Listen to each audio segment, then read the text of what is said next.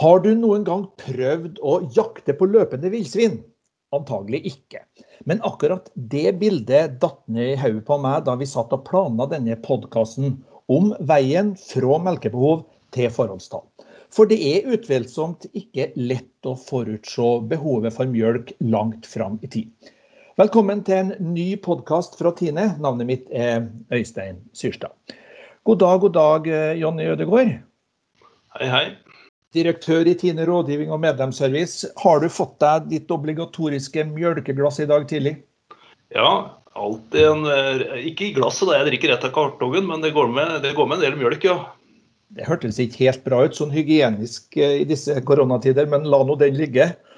Eh, du, nå ser vi at de siste tre åra så har jo utviklinga og ikke minst unntakssituasjonen knytta til pandemien gjort at eh, det har vært nødvendig å endre forholdstall flere ganger. Hvordan skal kua klare å holde tritt med store endringer i, i markedet? Nei, Det er et, eh, et, eh, godt spørsmål. For Situasjonen er jo helt annerledes enn det vi trodde for halvannet år siden.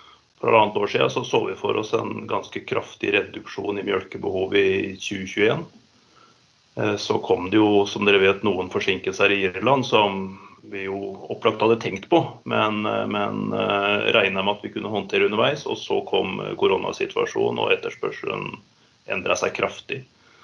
Eh, og da var bonden i ferd med å tilpasse seg med færre kuer. Så det er gjort en kjempejobb ute på alle gårdene med å få opp produksjon igjen, basert på litt for få kuer, selvsagt. Men med det kutallet vi hadde, så er det gjort en kjempejobb med å få opp uh, mjølkeproduksjon. Men den usikkerheten da, som vi nå opplever, og hvis vi ser historikken uh, tilbake, må vi regne med også store svingninger i melkebehovet i, i åra framover? Ikke bare 2021, men at det på en måte er det, det konstante, det faste? Ja, dessverre så er nok situasjonen framover mer svingninger enn den har vært bakover. Det er flere årsaker til det. Det ene er at selve markedene svinger mer. Men det er også at reguleringsmulighetene er færre. Altså den, eh, den tradisjonelle markedsregulatorrollen hvor vi kunne eksportere vekk eh, Norvegia eh, i en overskuddssituasjon, er, er borte. Og det tredje faktoren er at uh, Tines evne til å ta kostnader på egen kappe også selvsagt uh, blir svakere etter hvert som, som konkurransen hardner, da, rett og slett. Ja, og, og da syns jeg det er en naturlig overgang til deg, Karina Therese Wessel Hilland. Du er direktør i strategisk vareforsyning i Tine. God dag, god dag til deg også. Hei, hei. Ja, jeg sa jo innledningsvis at um, det å beregne melkebehovet kan sammenlignes med å, skyte på løpende villsvin. Uh, er det et bilde som du, som du, kan kjenne deg igjen i, ut fra din rolle i, i det, her, det, her, puslespillet?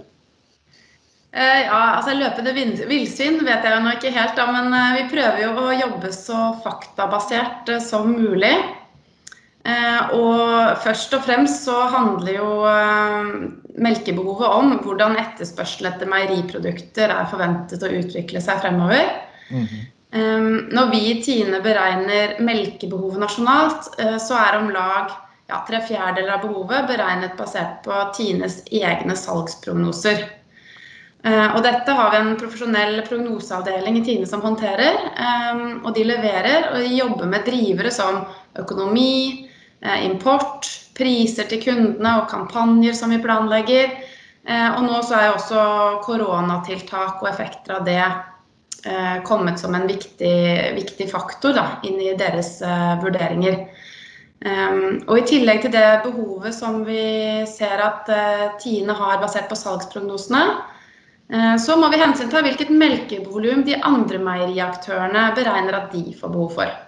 Mm. Men hva blir, da, hva blir, da, de viktigste elementene som legges inn i det regnestykket når melkebehovet for fem millioner mennesker skal, skal, regnes ut? Ja, altså De elementene det blir jo da eh, egentlig Tines eh, etterspørsel.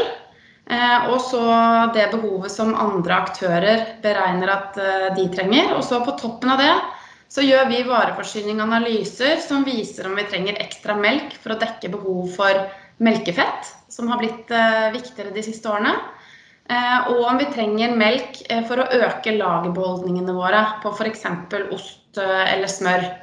Mm. Um, og, og, det er jo spesielt dette med lagerbeholdninger er viktig nå med mye usikkerhet. Det er på en måte lagerbeholdningene, usikkerhetsbufferen vår, da.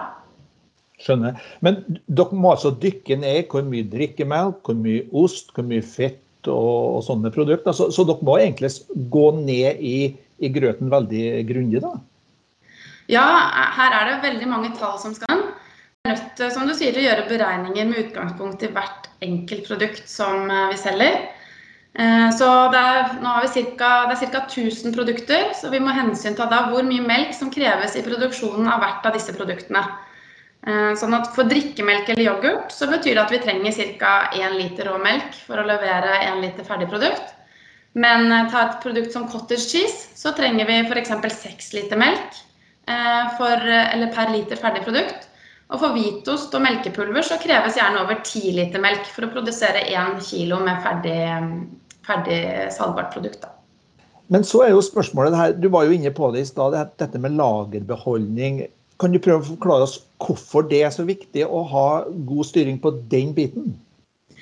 Ja, eh, altså Lagerbeholdningen til Tine de skal dekke avvik mellom melketilgang og behov, primært. I tillegg til at de skal selvfølgelig da demme opp for usikkerhet da, i etterspørselen eh, sånn kort, kort, eh, på kort sikt. Men, men eh, den eh, viktige forutsetningen vi jobber med i Tine, er eh, melkekurven. Altså den variable melkeinngangen vi har gjennom året.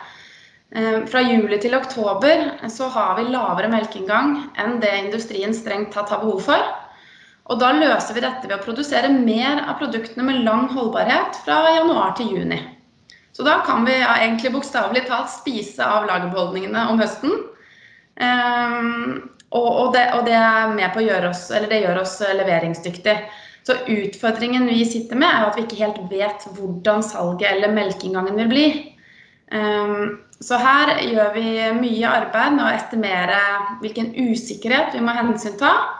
Eh, og så må vi da planlegge med litt høyere lagerbeholdninger som gir oss en buffer eh, til å håndtere den usikkerheten. Og F.eks. smør har jo såpass lang holdbarhet at vi også kan bruke eventuell lagerbeholdning året etter. Det Karina prøver å si at dette er mye mye vanskeligere enn å skyte på løpende villsvin. Det springer sånn noenlunde rett fram, men her snakker det om å skyte på en svær flokk med hoppende kenguruer som hopper i alle retninger.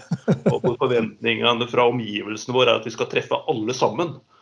Ikke sant? Så dette her er, det er ganske komplisert, eh, Karina.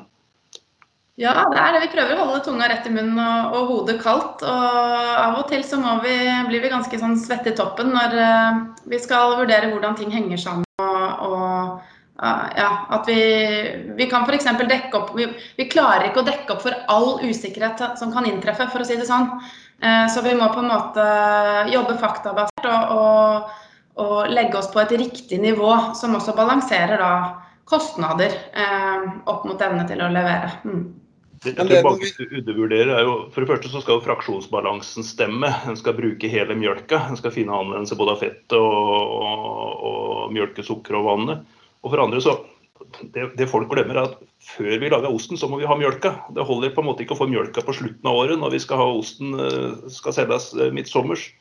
Så mye av, av utfordringene knytta til sånn ett års kvoter. Det er ikke tilfeldig når på året den mjølka kommer. Mjølka må komme før osten kommer, eh, produseres, og osten må lagres før den skjelles. Så hele, det, hele tidsdimensjonen her eh, må jo være krevende å, å, å, beregne, rett og slett.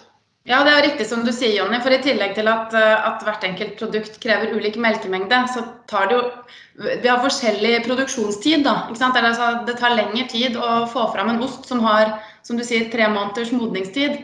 Eh, eller et, eh, et, et, produkt som vi, bare, som vi rett og slett produserer samme dagen som vi sender det ut, f.eks. Som er helt ferskt. Eh, så det må vi også hensynta i planlegging, og det er noe av grunnen til at, at dette med på en måte styre både beholdninger og, og hvordan vi skal levere da, opp mot melkemengden, er en, en omfattende jobb. Mm. Men det andre viktige dimensjonen, eller viktige begrensningen som vi jobber med, det er holdbarheten på produktene. Sånn at det er klart det har ikke uendelig lagring, lagringstid, spesielt verken ost eller smør. Så det krever jo også at vi har en, en etterspørsel som gjør at vi kan, kan bytte ut lagerbeholdningen, eller rullere lagerbeholdningen, og at ikke varene går ut på dato. Og så har vi jo ikke ubegrenset med lagerkapasitet heller, nei. Så når vi f.eks. må produsere store mengder skummet melkpulver for å skaffe nok fløte og smør, så må vi også sikre at vi selger det produktet. og Det er derfor vi driver det vi kaller for reguleringssalg, da, og, og, også eksporterer en del, en del, pulver ut av Norge. Mm. Det er vel en grunn til at vi understreker dette med jevnere melkekurve så sterkt som vi gjør. For der ligger det store verdier, store kostnadsbesparinger for eierne vår. Og kanskje ikke minst eh, tryggheten for merkevaren vår. For som du sier, vi produserer ost på vinteren. Men en merkevare som Norvegia er jo karakterisert at den skal smake det samme hver gang. Altså Forbrukeren identifiserer noe helt unikt når de velger Norvegia til en høyere pris enn billige kopier. Eh, og så skal vi selge eh, 12 uker gammel Norvegia, vi skal selge 18 uker gammel Norvegia, og det skal smake av det samme. Så, så det at vi må flekse såpass mye på lagringstida for eh, merkevareproduktene våre, er jo i seg sjøl en, en, en, en, risiko da, for merkevarene våre. Så tre streker under jevnere melkekurve. Ja, for du kan jo si at hadde vi hatt altså, Den ujevne melkekurven vi har nå, da, for å si det sånn, den gjør jo at vi utnytte kapasitetene våre i nettverket, det være seg både ved anlegg, produksjonsanlegg og i transport.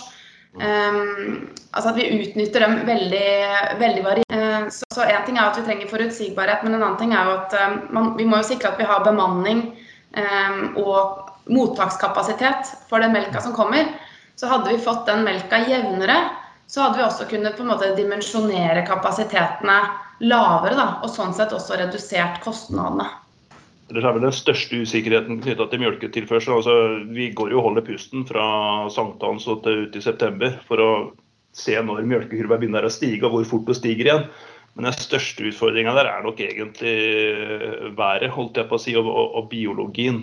Blir et godt gråfòrår eller blir et dårlig gråfòrår? Og, og, og, hva betyr det både for mjølkemengde og mjølkesammensetning? Da. Så i tillegg til Eh, all eh, politikken og, og, og, den uforutsigbarheten den kan bringe med seg, så er det kanskje været som er den største utfordringa på tilførselssida. Ja. Og enn så lenge, så uten at vi skal ta noen klimadebatt, så må vi kanskje erkjenne at den delen av usikkerheten er det lite å, å, å gjøre med.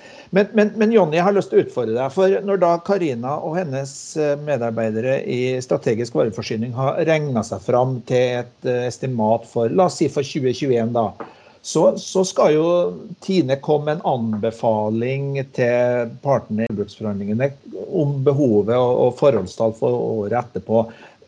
Hva skjer fra du får de tallene og til at du og, og styret og andre skal, skal komme med en anbefaling? Nei, vi kjører en, en, serie prognoser, egentlig, en, uh, ulike scenarioer. Hva tror vi skjer med Q-tallet? Hvordan tror vi produsent uh, responderer på økt forholdstall. Har det skjedd noen endringer i telledatoer eller andre faktorer som kan påvirke når bonden slakter ut dyra sine? Så vi, vi kjører runde på runde og, og drøfter liksom vekselvirkninger mellom den politiske føringa, som er forholdstall, da, og, og, det dyretallet og de produksjonsmulighetene som er der på, på gården. Og så prøver vi å regne oss fram til hva dette betyr for kvoteutnyttelse vanligvis fall prøve å legge på en tilstrekkelig sikkerhetsmargin, sånn at vi vet at vi har uh, nok mjølk. Hvordan tenker dere i strategisk vareforsyning på behovet for den, for den bufferen på toppen, eh, Karina? Eh, ja, altså det er jo, Som jeg nevnte, så jobber vi jo på en måte med usikkerhet i de prognosene vi, vi får levert. Da, både på, på etterspørselssiden og også på melkeinngangen. Eh, men så er det jo også sånn at Eh, riktig mengde melk er jo ikke nødvendigvis akkurat der hvor vi trenger den eh, geografisk da, til enhver tid. Eh, for ja, kuene er ikke nødvendigvis der, der, hvor, der hvor det mor mest folk. Så, så, langt det lar seg gjøre, så prøver vi å bruke den melka som er nærmest der etterspørselen er, for å begrense transporten. Men ellers så må vi jo frakte den frakte melka til det anlegget hvor vi får brukt den riktig, da, basert på den, den, planen vi har lagt. Og generelt så er det nok sånn at litt for mye melk det gir mer fleksibilitet og mindre press for å anvende hver dråpe riktig. Mm. Så da, For å sikre jevnere utnyttelse av kapasitetene våre og, og mer effektiv drift, um, og også lavere driftskostnader når vi skal håndtere avvik, uh, f.eks. ved produksjonsstans eller, eller, andre hendelser i, i logistikken. Mm. Ja, du sier litt for mye mjølk, det er bra for det øker fleksibiliteten. Men da er vi jo i en litt dårlig situasjon akkurat nå, Jon Ødegaard. For, for, vi vet jo det at eh, det, altså toll på, på melkepulver er, er, foreslått satt ned, og, og gjennomføres det. Og så mangler vi mjølk, og da, da, tenker jeg hvorfor kan vi ikke nå da på slutten av året ta et frislipp eh, og få inn den mjølka som vi så sårt trenger? Eh, vi har gjort mange vurderinger av det spørsmålet. Vi øka forholdstallet to ganger eh, i løpet av dette året. Først tidlig på året og så rett før ferien. Og fra starta vel på 0,98 til nå 1,05. Og Vurderinga har for det første vært at vi i all hovedsak har fått den mjølka som det kutallet vi har, gjør det mulig å produsere. Og det vi eventuelt ville fått av ytterligere mjølk ved, å, ved en eller annen form for frislipp, ville kommet helt på slutten av året, altså de siste to ukene. Eh, og det ville ikke løst eh, pulverproblemet. Pulvermankoen skyldes egentlig for lav mjølkeinngang eh, på sommeren. Sjøl om produsentene gjorde en kjempejobb med å snu seg og få opp uh, mjølkeproduksjonen i sommer, uh, så, så, så, var etterspørselen større enn en tilgangen. Og det er, det er, den mankoen i sommer som en egentlig løser nå med en kortvarig og midlertidig tollnedsettelse på pulver.